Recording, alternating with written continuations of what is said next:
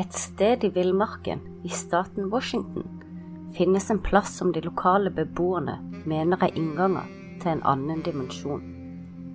Hullet ble kalt for Porten til helvete, og historien går langt tilbake.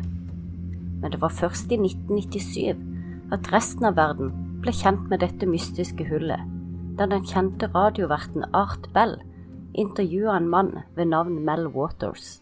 Tonight on Coast to Coast AM with Art Bell.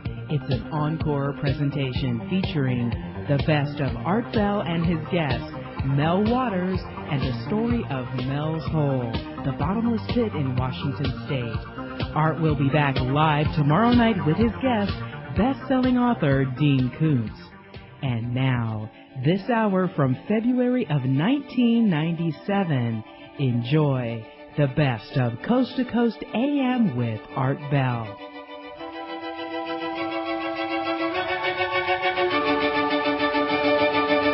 Art Bell is taking calls on the wildcard line. All right, I have got Mel on the line. Mel's the guy with the never-ending hole, and uh, we're going to ask him about it here in a moment.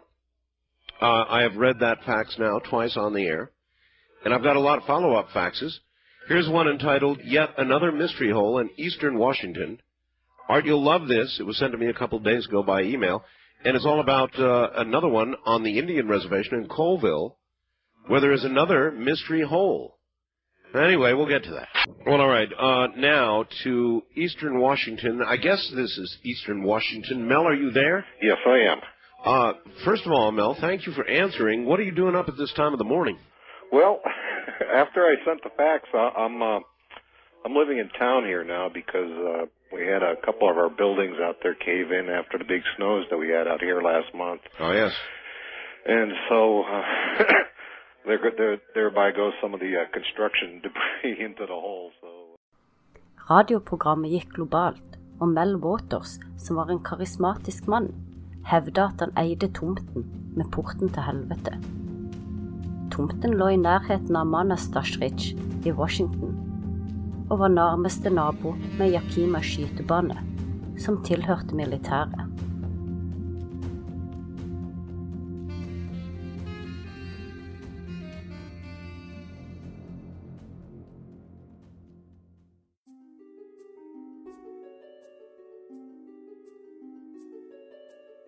Sett deg godt til rette med noe godt i koppen, og bli med inn i mystikk og mysteriers verden.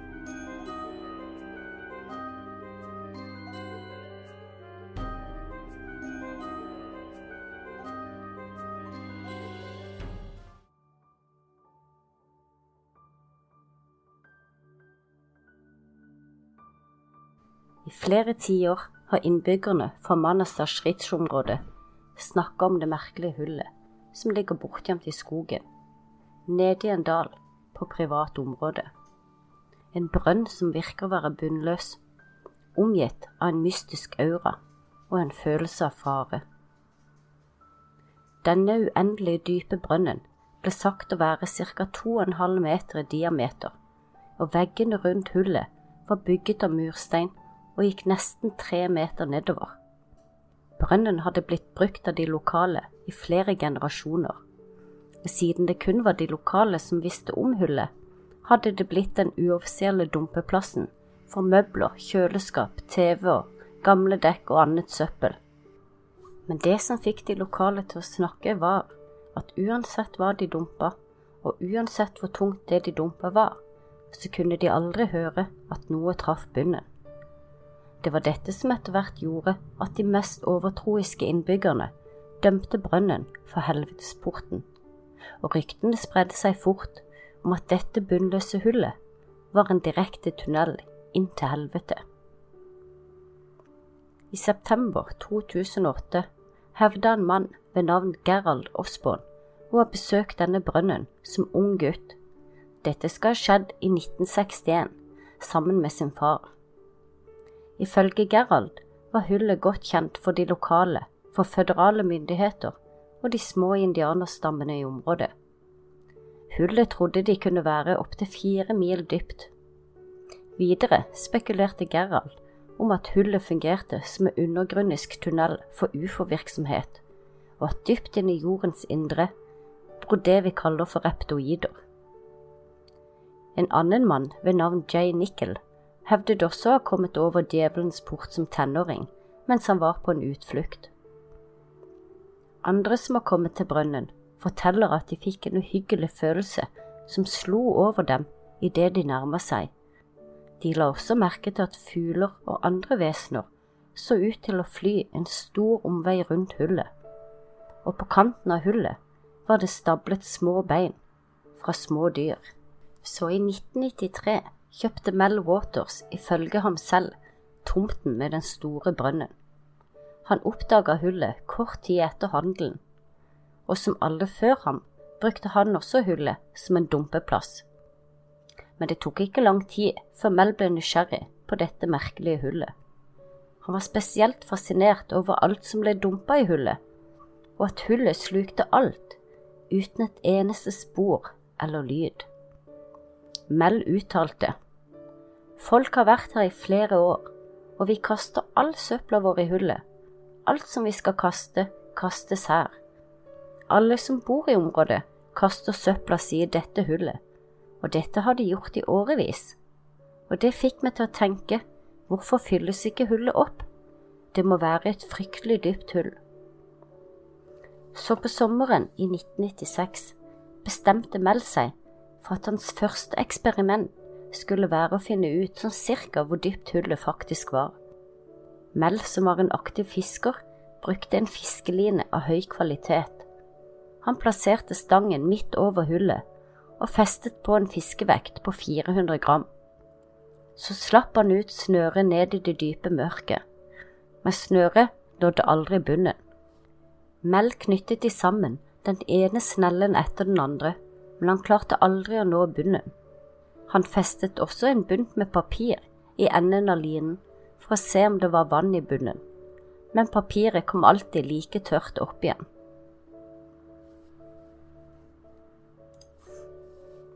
Mel Walters ble besatt av å finne ut av dybden på dette hullet, så mye at det ødela ekteskapet hans.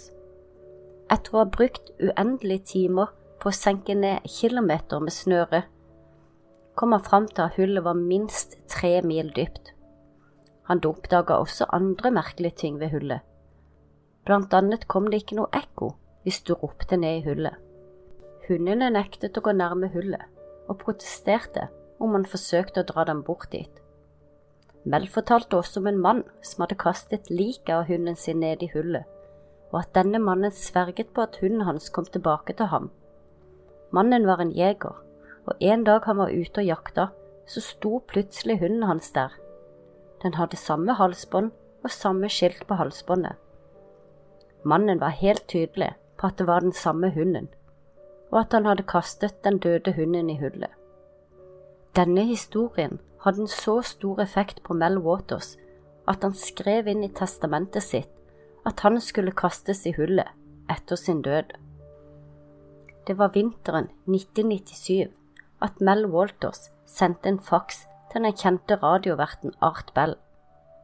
Art ble nysgjerrig på Mel og hans historie om det bunnløse hullet, og 21. februar 1997 ble Mel Waters invitert til å intervjues på Art Bells populære nattshow. Bell og Waters diskuterte de mange historiene og mytene omkring hullet, og selv om de aldri nevnte nøyaktig hvor dette hullet var, så ble det fort klart at millioner av lyttere ble fascinert og nysgjerrig på Mel Walters sin historie og djevelens port. Og historien ble så populær at Art Bell gjorde et nytt intervju med Mel Waters bare tre netter senere.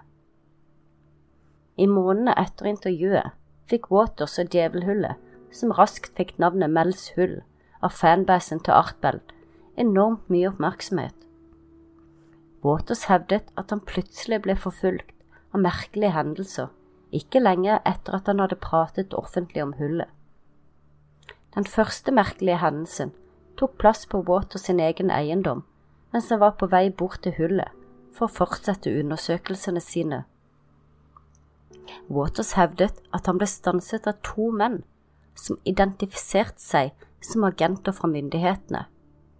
Disse agentene, en i vanlige klær og en i militærklær, informerte ham om at det hadde vært et flykrasj i nærheten, og at området derfor var sperret av.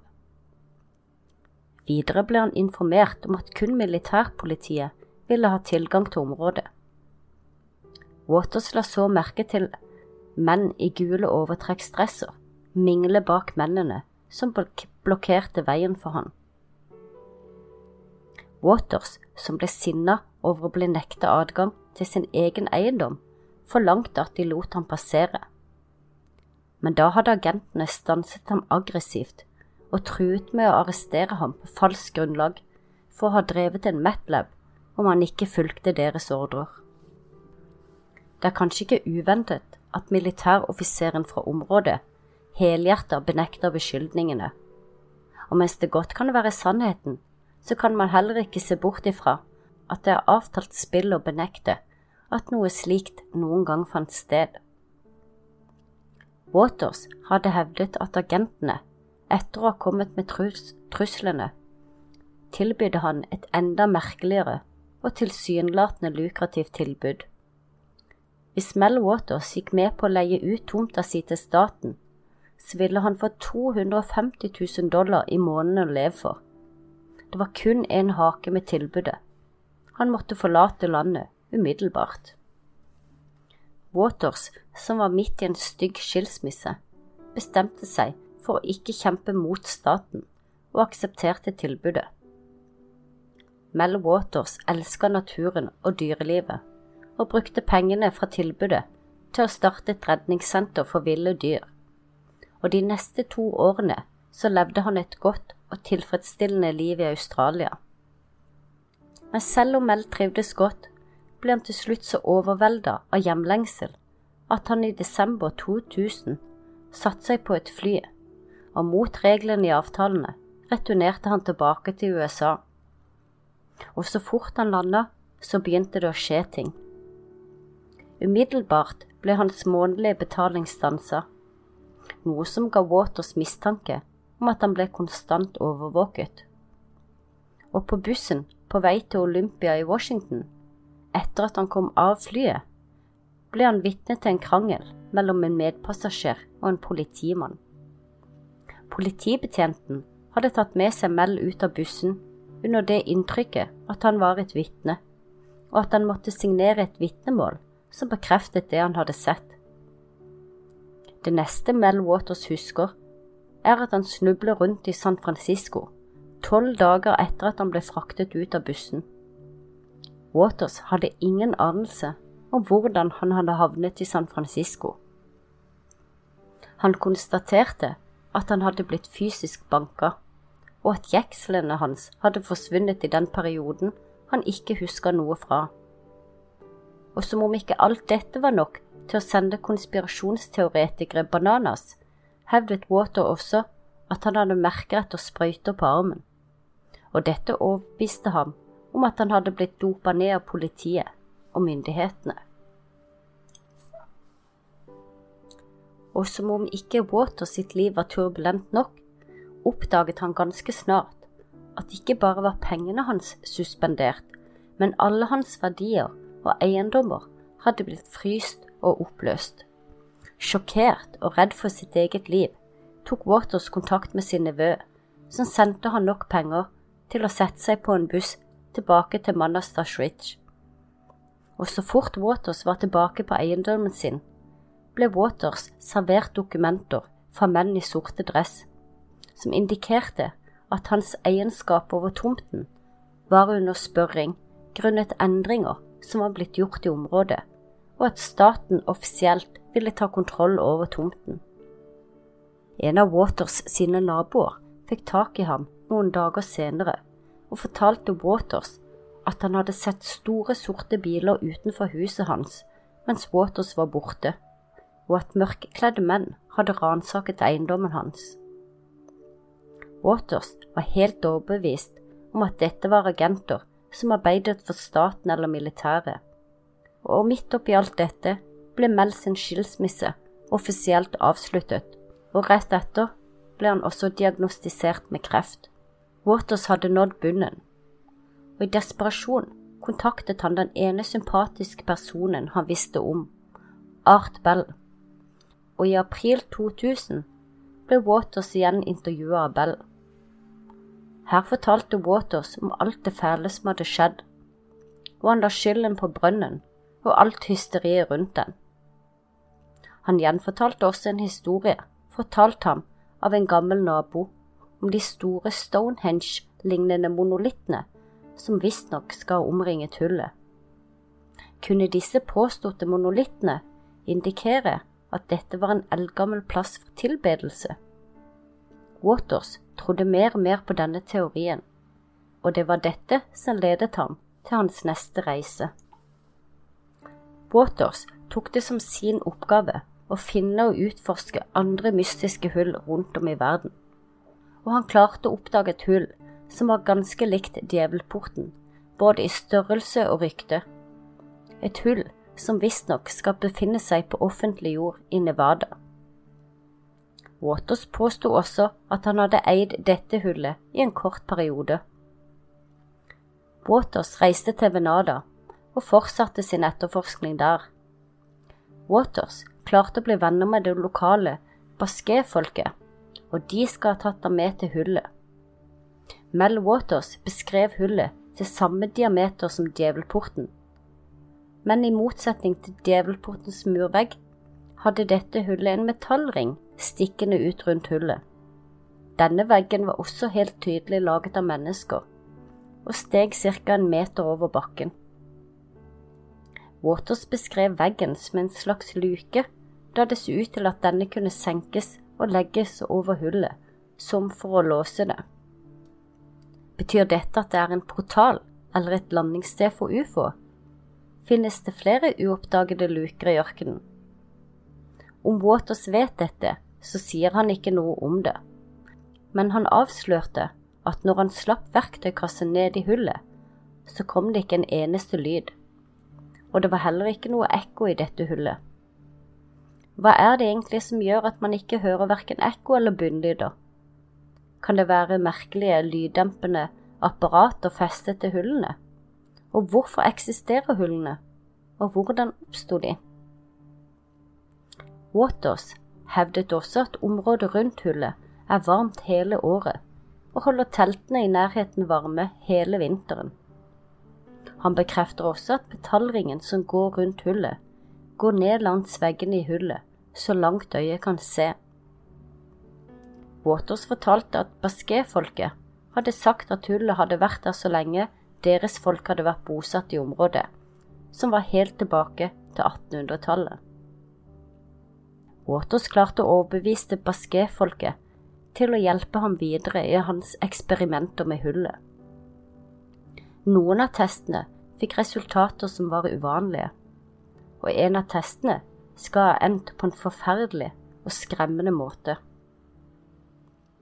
Det første eksperimentet besto i å senke ned en bøtte med butikkjøpte isblokker 500 meter nede i hullet og med en sammenligningsbøtte som ble igjen på toppen av hullet, med samme mengde is som den andre. Når teamet heiset bøtten opp igjen, oppdaget de at isen ikke hadde smeltet noen ting. Men det som var enda merkeligere, var at isen var varm når man tok på den, og med en silkelignende følelse. Og enda mer bisarr, så ble isen til en brennende substans. Ingen kunne forklare den kjemiske forandringen i isen, men en av mennene skal ha tatt med seg isen hjem og fylt opp peisen sin med den. Han hevdet at den brennende isen hadde brent i tre måneder, og synes å ha en sterk evne til å su til seg all fuktighet i luften rundt seg. Mot slutten av vinteren hadde peisen plutselig forsvunnet gjennom gulvet og flere meter ned i bakken, og ikke lenge etter skal hele huset ha oppløst seg til støv. Ifølge Waters hadde en gruppe uidentifiserte menn, som mest sannsynlig var menn fra staten, hadde raskt etter husets oppløsning ankommet stedet og forsøkt å heise den sunkne peisen. Tross mange forsøk med sterke kjettinger klarte de ikke å heise peisen. Men da mennene hadde helt vann ned i hullet over peisen, skal kjettingene, ifølge øyevitner og Water selv, ha sugd seg fast til peisen, og de klarte nå å heise den opp av hullet. Heisen skal hurtig ha blitt plassert i en stor lastebil og blitt fraktet bort til en ukjent lokasjon. Men selv om brennende is uten tvil er merkelig, så var det neste eksperimentet til Waters mer en test på hans tilregnelighet. Det neste eksperimentet kan vel ikke kalles annet enn dyremishandling, hvor Waters og hans baskefolk bestemte seg for at et levende objekt var nødvendig for deres neste test. Så de stjal en sau fra en av de mange gårdene i området og dro den ned mot hullet. Waters hevdet at sauen ble urolig når den nærmet seg hullet. Ikke så ulik reaksjonen fra hans hunder når de var med til djevelporten. Sauen skal ha fått elektrosjokk og så bedøvelse før den ble senket ned i hullet. Waters bekreftet senere at sauen hadde våknet til på vei nedover i hullet og hadde begynt å kaste seg aggressivt frem og tilbake og laget noen lyder som ikke kunne beskrives som annet enn ren frykt. Sauen skal ha blitt senket ned til 500 meter, og på dette tidspunktet stanset også hylene. Og akkurat i det øyeblikket skal metallkanten rundt hullet ha begynt å riste og vibrere.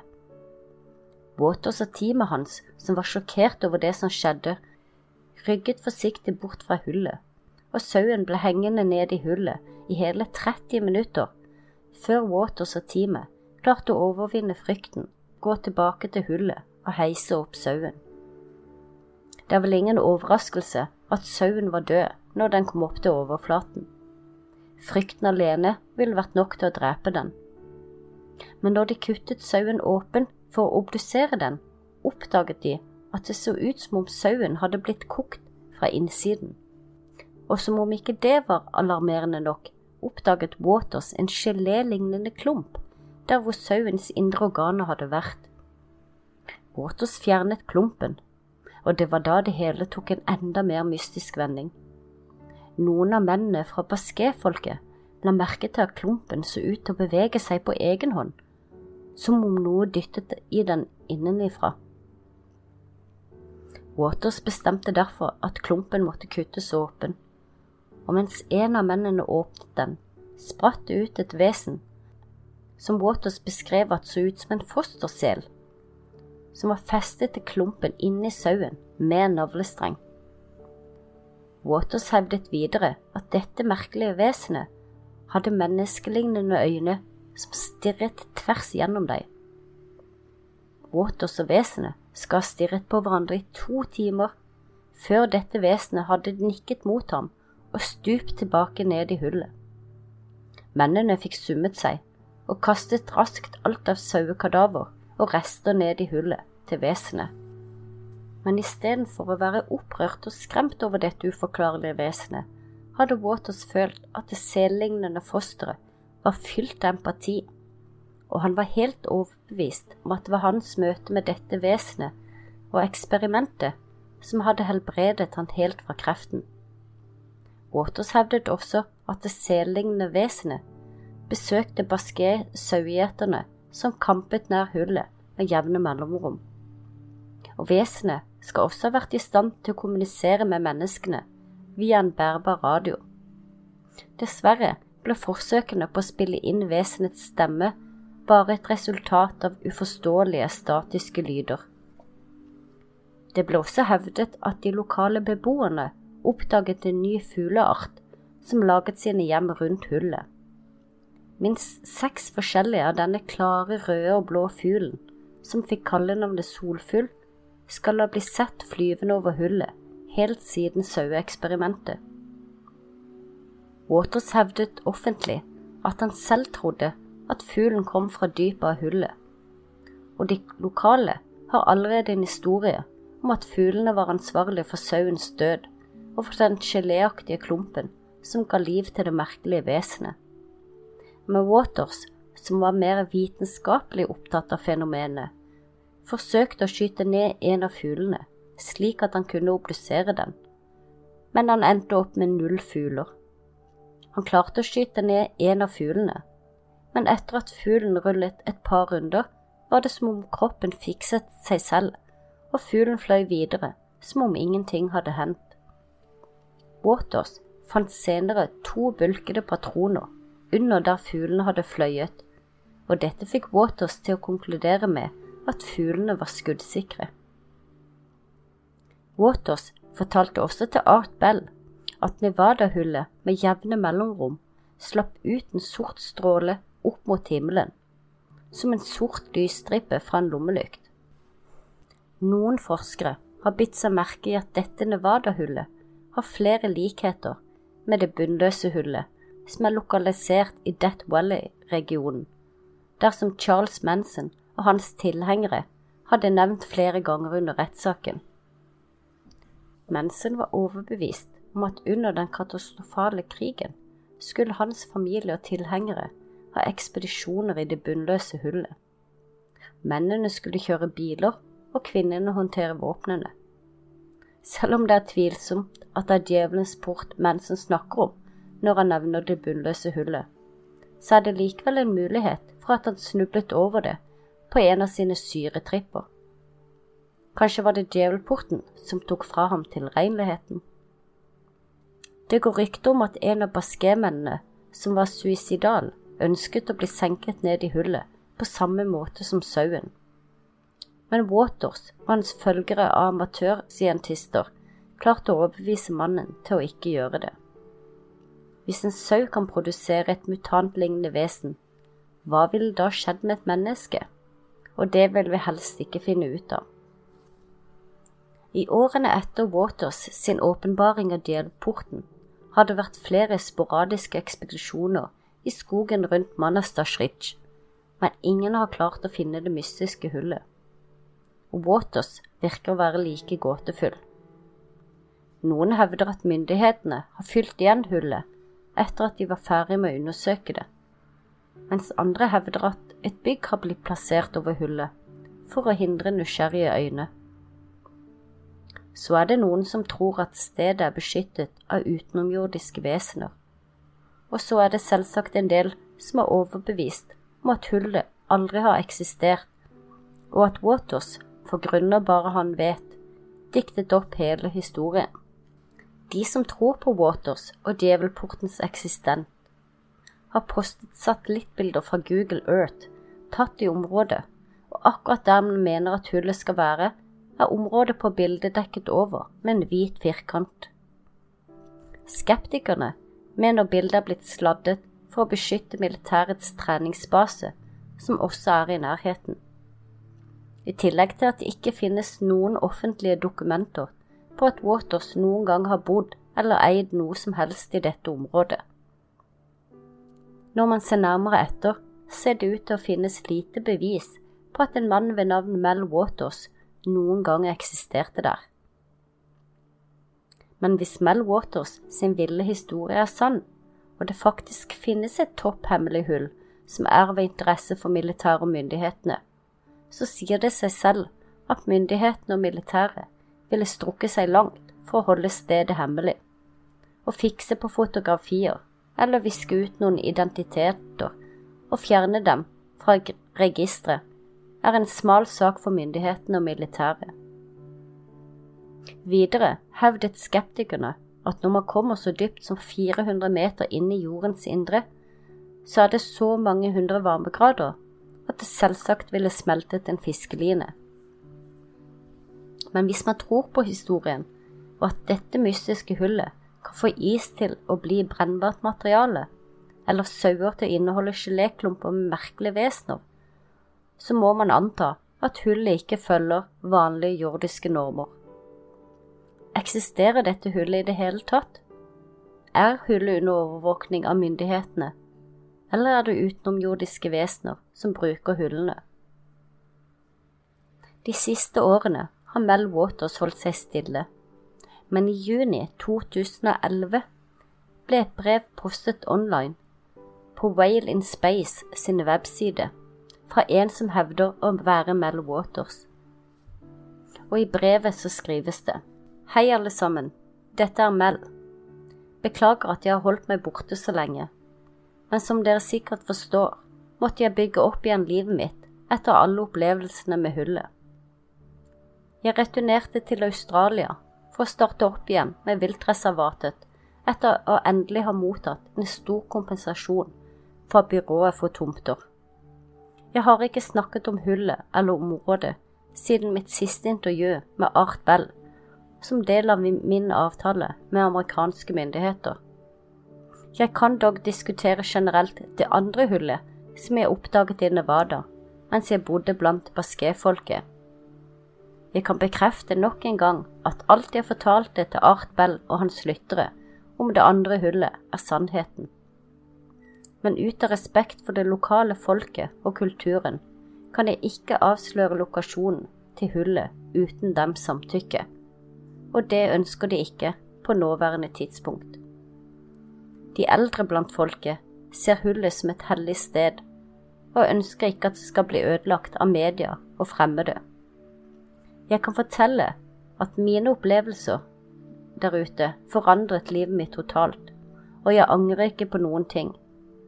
Jeg håper jeg en dag får muligheten til å fortelle alt på en slik måte at folket får sannheten men akkurat nå er jeg ikke i en posisjon til å gjøre det. Jeg tror sannheten vil komme fram en dag, men jeg vet ikke hvordan. Jeg kan bevise historien, men risikoen for mitt eget liv er for stor, og jeg har lært av erfaring at hvis man får et tilbud, skal man ta pengene og løpe. Jeg håper dere alle forstår, og kanskje hører dere fra meg igjen før eller siden. Historien til Mel Waters er utrolig spennende, mystisk, skremmende og fascinerende. Men er den sann? Eller var Mel Waters bare en gal mann med en stor fantasi? Hva tror du?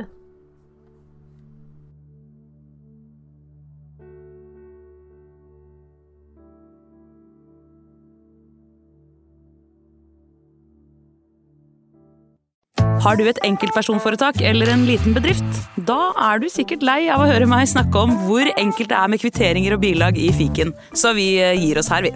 Fordi vi liker enkelt. Fiken superenkelt regnskap.